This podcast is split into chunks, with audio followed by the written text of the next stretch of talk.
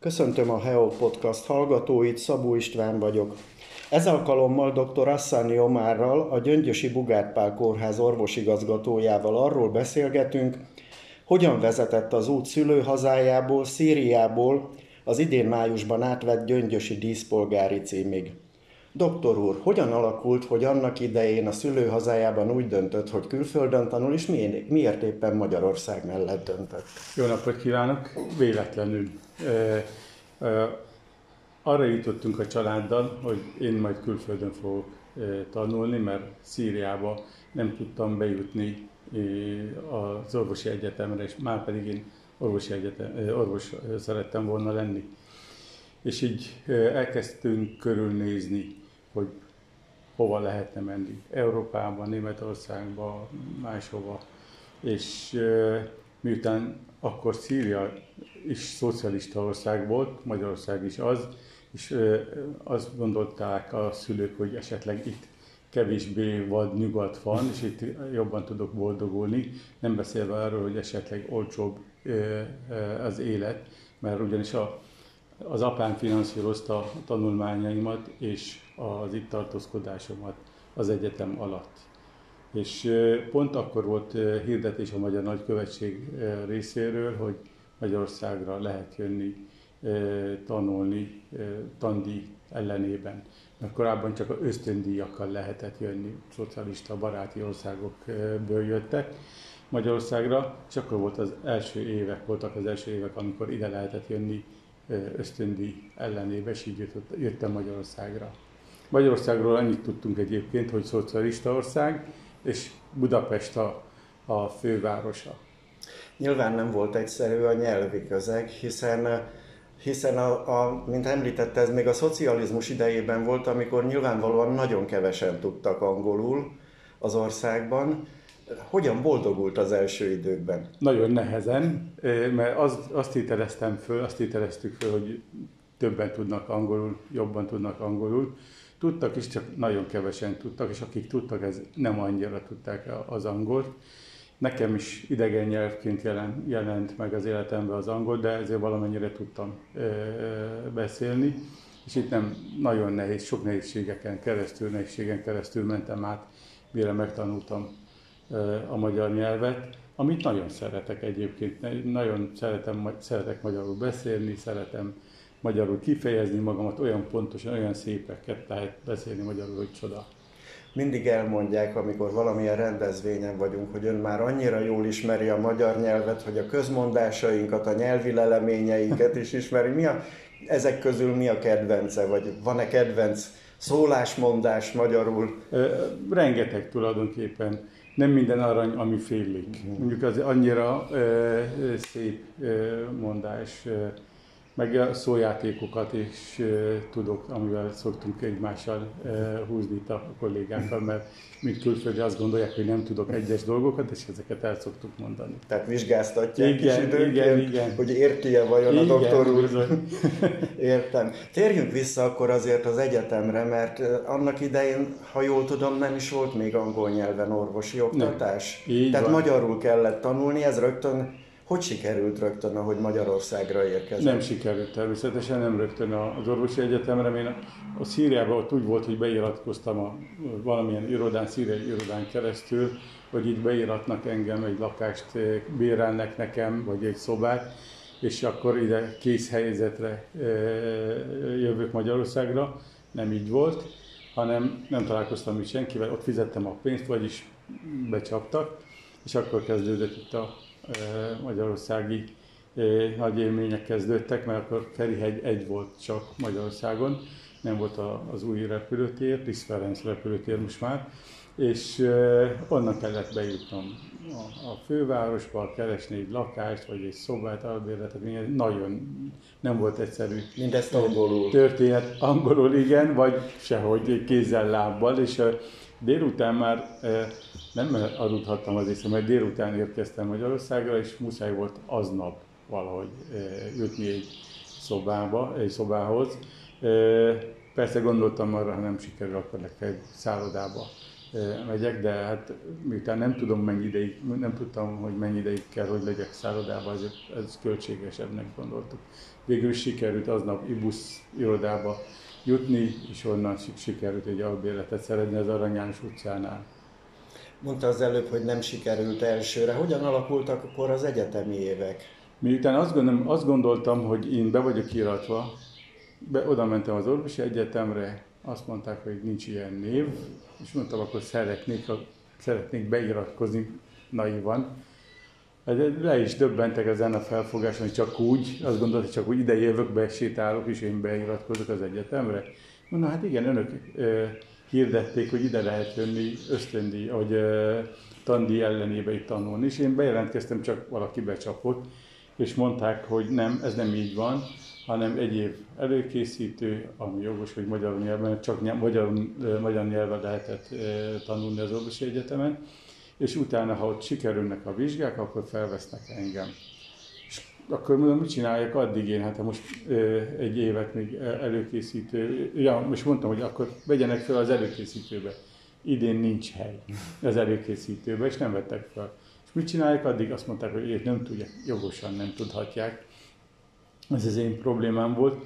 Akkor bejelentkeztem a Műszaki Egyetemre, ott volt viszont magyar nyelvű oktatás is, ott az első évet ott tanultam, közlekedési kar. Az első év, ez közös volt a többi karral együtt. És ott egészen jól el voltunk tulajdonképpen. Közben tanultam magyarul, és jártam a, a dékáni hivatal nyakára, hogy vegyenek föl az orvosi egyetemre. És a következő évben felvételizni kellett? Fel, igen, ez nem olyan. Felvételizni, na, e, akkor azt akarták, hogy én már tudtam magyarul, valamilyen szinten, és előkészítőbe akartak felvenni. Az azt jelenti, hogy még egy évet veszítettem volna, és kértem, hogy nem el lehetne az első évre rögtön, és legfeljebb, ha nem sikerül ott, akkor egy évet, tudom, hogy mi a tananyag, hallom, hogy mi, látom az egyetemet, hogy mi a szokás, hogy, hogy, hogy zajlik az élet, és azt mondták, hogy nem. Nagyon kedvesek voltak a dékáni hivatalban a titkárnők, hogy nagyon tényleg segítőkészek voltak, sírtak nekem mindenféle kérvényt a, a dékán, illetve a rektori iroda felé, hogy vegyenek föl, ez, ez, ez volt a kérésem, és végül is úgy sikerült, hogy azt kaptam egy hónapot arra, hogy ha vizsgázok fizikából és biológiából, akkor fel, és sikerül, akkor felvesznek a, az egyetemre. Én mondtam, hogy igen, arabul vagy angolul tudok vizsgázni, ezt mondták, nem magyarul, mert én tudtam magyar, lát, beszéltem velük magyarul, de a szaknyelvet ezért nem tudtam még ennyi idő alatt, nem, nem lehet megtanulni, soha nem tanultam biológiát magyarul, a, a fizikát magyarul. Fizikát azért valamennyire már az orvos, a Műszaki Egyetemen angolul tanultam, és sok kifejezés hasonlít végül is kaptam egy hónapot, nagyon-nagyon sokat tanultam, és sikerült a, a vizsga, és bekerültem az egyetemre, az orvosi egyetemre. Ebből a kitartásból már nagyon jól látszik, hogy korán elhivatottságot érzett az orvosi pálya iránt. Honnan jön ez az elhivatottság? Családból? Volt a családban orvos? Vagy erről meséljen egy kicsit. A szűk családunkban nem volt orvos, de a, a nagybátyám például orvos volt, egy, volt a tágabb családban voltak orvosok. Igazából gyerekkorom óta én, én orvos akartam lenni, az embertársaimon szeretnék segíteni. Tudom, hogy ez fura, furán hangzik, olyan, mint egy fiatal gyereknek a, az álma, vagy a, a, a kívánsága. Én most is azt gondolom tulajdonképpen, és nem bánom, hogy a valaki esetleg azt gondolja, hogy túl, e, túl érz, érzergős, vagy túlzott a romantikus történet. Én ezt vállalom. Én, én szeretem az én hivatásomat, mindig is ez akartam lenni, mindig is akartam az embertársaimon segíteni, és én azt gondolom, hogy ebben nyilvánul meg az én emberi mi voltam az, hogy itt tudok legjobban közvetlenül az ember, a embertársam szemébe nézni, segíteni, ahol tudok, természetesen nem mindig tudunk, de ahol tudok is, ez óriási érzés. Ehhez képest egy korábbi beszélgetésünkből tudom, hogy nem volt egyszerű az elhelyezkedés a, a diploma megszerzése után. Igen, egyáltalán nem volt egyszerű, mert volt letelepedési engedélyem már Magyarországon, és akkor vége, elvégeztem az egyetemet magyarul Budapesten, és el akartam helyezkedni, és mondták, hogy nem, mert külföldiként nem helyezkedhetek el Magyarországon. de hát mondtam, hogy ott van a, a letelepedési engedélyem, és lényegében minden jog megillet engem, kivéve a parlamenti választások, illetve az elnöki választások, és mondták, hogy nem, akkor sem az orvosi kamara nem engedélyezi, csak úgy helyezkedhetek el, hogy ha hiány szakmába, ahol vannak helyek, például az anesztézia, intenzív terápiás ellátás, az, az volt tulajdonképpen. És ilyen, olyan helyeket kerestem, ahol van, és volt is bőven üresedés, üres hely, és végül is 60-ba kerültem, ott 13 évig dolgoztam. Az intenzív osztályon? Intenzív osztályon. Az első, én az egyetemi éveim alatt TDK-ztam, tudományos diákköri munkát végeztem, a professzor a, a, a klinika vezetőjével, és ő meghívott oda. Csak miután nem volt, nem, tudok, nem tudtam elhelyezkedni szülészeti állásba, azért mentem 60-ba. És majd amikor meglett, megtudta a professzor úr, hogy én megkaptam a, a, a pecsétet, vagyis felvettek az orvosi kamara tagságába, akkor újra jelezte, hogy esetleg akarok menni, akkor tudok menni. Mentem is, megszakítottam az intenzív terápiás karrieremet, és elmentem az egyes női klinikára, dolgoztam ott 9 hónapot, majd meggondoltam magamat, és visszaértem 60-ba, visszamentem 60-ba. És akkor térjünk rá Gyöngyösre. Hogy jön a képbe Gyöngyös? Mert eddig nem került képbe. Igen. Gyöngyös úgy került, hogy ö, annak idején a Hospinvest elkezdtem működtetni 60 majd utána Gyöngyöst és Eger. És akkor mi több hely, helyen ö, kezdtünk dolgozni. A mi területünk az az intenzív ö, ellátás, ez eléggé ö, hiány szakma volt ö, itt is 60-ba, illetve Egerbe és elkezdtünk dolgozni, és akkor felmerült ide is, hogy én miután ott is voltam orvosigazgató, akkor itt is legyek orvosigazgató. Nem volt könnyű időszak, mert ezért nem mindenki elfogadta ezt az új rendszer, új gondolkodás, új fajta működtetése a kórháznak, és úgy kellett orvosigazgató lenni, mert orvosigazgató ez orvos szakmai kérdésekkel foglalkozok.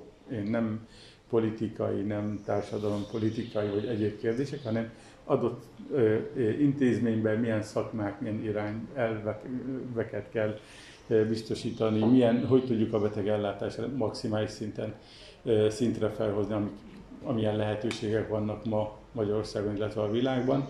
És ez így, ilyen szempontból könnyebb volt a dolgom, hogy szakmai része, részével foglalkozok egyéb szempontból nehezebb, mert ezért nem, nem volt elfogadott a, a Hospin, ezt szerintem sokan emlékeznek, hogy milyen sok probléma volt a, a, a körülötte.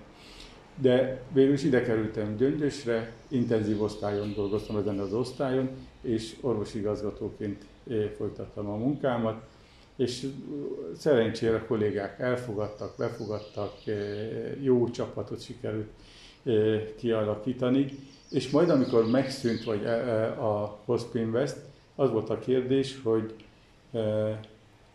gyöngyös vagy 60, nem dolgozható két helyen egyszerre már vezetőként, és a 60-iak is azt akarták, hogy visszamenjek, mert ezért 60 nekem az alma máterem akkor is, mert ott kezdtem a munkámat, és a Gyöngyösen azért annyira jó kollektívát sikerült kialakítani, annyira jól éreztük magunkat, nem mintha 60-ban nem az lenne, de itt, itt otthon éreztem magamat, ami segített a döntésembe, az önkormányzati vezetés idejött hozzám, adtak nekem egy üres szerződés, és mondták, írjak bele, amit akarok, és én szeretnék, ha itt maradok. Én meg itt maradtam, ilyen kérésnek nem lehet ellent mondani. Természetesen nem anyagi dolgokról van szó, a több fizetés az ugyanilyen, mint a többiek is. Nem lehet az ember pofátlan, hogy ilyen helyzetet kihasznál annyira. Úgyhogy úgy döntöttem Gyöngyös mellett, és egyáltalán nem bánom. Gyöngyösen érte végül is egy olyan kihívás, ami az orvostársadalmat körülbelül száz éve nem érte, egy világjárvány. Igen. És ebben azért ön volt a vezetője a védekezés irányítás, ön, ön irányította a védekezést. Nagyot fordult a világ. Mi, mi, hogyan lehetne összegezni ezt az időszakot? Döbbenetes. Döbbenetes. Óriási kihívás, olyasmi, amivel egyáltalán nem találkoztunk, nem tudtunk. Azért az orvoslás, a mi tevékenységünk, ez olyan, hogy mi szeretünk pontosan tudni, bocsánat, pontosan tudni, hogy mi hogyan történik, hogy lényegében tervezzük a mi beavatkozásainkat, a mi gondolkodásmódunkat, ezért vannak protokollok, hogy lépésről lépésre hogy tudunk ától zég jutni, szeretnék tisztában lenni minden lépéssel. Igaz, hogy az intenzív osztály ez annyira nem alkalmas erre, mert ez pont itt kicsit fel tudja borítani ezt a rendet, mert itt sokszor nagyon gyorsan, nagyon határozott döntéseket kell hozni, és a, a, a járvány ezt mindent felborított, ami a szokásunk, a gondolkodásunk, ami, ami egyáltalán a hozzáállásunk a dolgokkal. Nem tudjuk mi a vírus, nem tudtuk, hogy terjed pontosan az elején, ezért nagyon sok, most is nagyon sok ismeretlen volt ebben a történésben, hogy tudunk hozzáállni, hogy tudunk védekezni. Az egész rendszer nem volt felkészülve erre az egész történetre, nem csak az emberek, a dolgozók, hanem az egész az infrastruktúra, a társadalom nem volt felkészülve erre az egészre. Akkor mi elkezdtünk egyébként itt Gyöngyösön, mi alakítottuk az első bizottságot, hogy nézzük meg, hogy hogy alakul a járvány, és védekezési, védeke, hogy hogy tudunk védekezni ellene. Utána jött az országos bizottság egyébként, és nem sokkal utána, egy pár, egy-két héten, héten belül. És itt lényegében átalakítottuk az egész kórház infrastruktúráját, külön betegutakat, fertőző, nem fertőző, piros pont, ahol csak fertőzött beteg érkezik. Itt az infrastruktúrát, illetve a kollégákkal kapcsolatban mindig próbáltunk utána nézni az interneten, felvettük a kapcsolatot az olasz kollégákkal, mert ők náluk volt a legsúlyosabb mm. ez a rész, és ott, ott hallottuk, hogy több, alkal, több helyen, több dologgal, dolgot úgy alkalmaztak, hogy sikeres legyen, mert azt se tudtuk, hogy mi, mi, melyik a, a szerencsés, melyik a jó terápia. Itt a legelejéről beszélek. Később majd kialakultak ö, ö, szokások, mármint több ismeretünk volt, ahogy tovább, tovább haladtunk az időben, de e, nagyon sokszor úgy volt, hogy ugyanilyen terápiát alkalmaztunk az egyik betegnél, az meggyógyult vagy javult, a másik meg egyáltalán nem hatott, a másiknál nem hatott egyáltalán. Úgyhogy fura volt, döbbenetes volt, és e, e, nehéz időszak. Na, nehéz időszak volt, mert mi azt nem szeretjük, hogy nem, nem, nem birtokoljuk a dolgokat, nem tudjuk irányítani, és nem tudjuk a betegnek eh, mit mondani.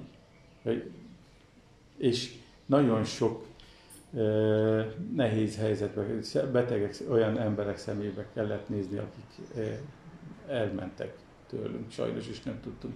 Nagyon sok ember meghalt ebbe a, a, a, az egész járványba, és nem tudtunk segíteni. Mindent megtettünk. Egyébként csak az elején nehéz volt, mert mire jöttek a berendezések, meg valamilyen információk lett volna az egészről, utána minden a rendelkezésünkre állt. Most én nem, nem a politikai megközelítésből, mert azt mondják, hogy volt, voltak eszközök, nem voltak eszközök, voltak gyógyszerek, nem, minden megvolt. A, tényleg olyan gyors reagálás volt, hogy minden rende, gép, lélegeztető gépek, minden olyan felszerelés rendelkezésre állt, és gyógyszer is. Csak hiába ha nem tudjuk, hogy mi hat az egész vírus ellen. Illetve ott nagyon fontos volt a megelőzés, az, hogy oltsuk minél több embert, és az óriási aktivitással sikerült a, mindenki. Nem, itt nem, nem rólam van szó, nem csak én voltam, hanem az egész társaság benne volt, rengeteg minden kollégám. Óriási dolog. Egyébként, ha nem lenne annyi, nem lett volna annyi beteg, meg annyi embert veszítettük volna el a fertőzöttek között, ez óriási csapat építő lett volna, és jóra, jó, jó, jó szívvel emlékezne az ember erre, a dologra, de sajnos nem az, nem az volt. De vissza, összehozta viszont a, a társaságot, oltásban részt vettek, át kellett rakni a kollégákat sebészetről, fertőző osztályra, mit tudom én, belgyógyászatról, intenzív osztályra, és teljes odaadással odaálltak, oda tették magukat, és megható volt ez az egész összefogás, ami, ami itt volt ilyen gyösön, de szerintem máshol is így volt. Az bizonyítja minden esetre, hogy ön kiválóan végezte nem csak a pandémia alatt a munkáját, hanem az orvos, illetve kórházvezetői munkáját is kiválóan végzi, hiszen két éve kapott ki, ha jól emlékszem, proszanitáta kitüntetést az akkori szakminisztertől, és most egy jeles társadalmi díjat is kapott Gyöngyöstől, Gyöngyösváros díszpolgára címét vehette át a napokban. Milyen érzés magyarországi kitüntetetnek lenni? Én nagyon örülök, óriási, nagyon jól eső érzés. De én Magyarországi, ez nekem az én hazám. Magyar, én magyar emberként, az én hazám, az én honfitársaim ismernek el, és nagyon megtisztelő. Természetesen az ember, én sosem gondoltam, hogy ezért csinálom, mert valamikor majd kapok elismerést vagy kitüntetést valakitől, akár proszanitáti, akár e, díszpolgári, de óriási e, dolog, nagyon jó érzés, mert ez valamilyen szinten elismerés, jelzés az embernek, hogy amit csinálsz, ez rendben van, lehet ezen az úton e, tovább menni, látunk téged, ismerünk, elismerjük, amit csinálsz, és ez sokkal nagy energiát ad arra, hogy továbbiakban még többet, ha lehet, még jobban próbálja az ember a, a dolgát csinálni. Jó, jó dolog. Még többet, még jobban mondja doktor úr, de nyilván van, amikor nem dolgozik, mert muszáj nem dolgozni. Mivel tölti a szabadidejét, mi kapcsolja ki, mi tölti fel? Hát én nagyon sokat sétálok az erdőben. Mi e, itt a közelben lakunk, a hegy mellett, a Mátrában, és amikor nem vagyok itt, nagy, nagyon sokszor az erdőben sétálok, vagy egyedül a kutyámmal, vagy a család valamelyik tagjával. Általában egyedül, mert ilyen nagyobb utakat szoktam tenni, és ilyenkor letisztül az ember feje, letisztul a világ, a gondolatok, és rengeteg pozitív energiát kap az ember attól a szépségtől, ami a, a, a természetben van, és attól a pozitív energia, ami ott van, a, ami körülveszi az embert. Nagyon, nagyon szeretek az erdőben menni. Hát akkor további nagyon sok sikert kívánunk a, a szakmájában is, és a magánéletében is, és köszönöm szépen dr. Asszani Omárnak a beszélgetést, és köszönöm szépen a Heo Podcast hallgatóinak a figyelmet.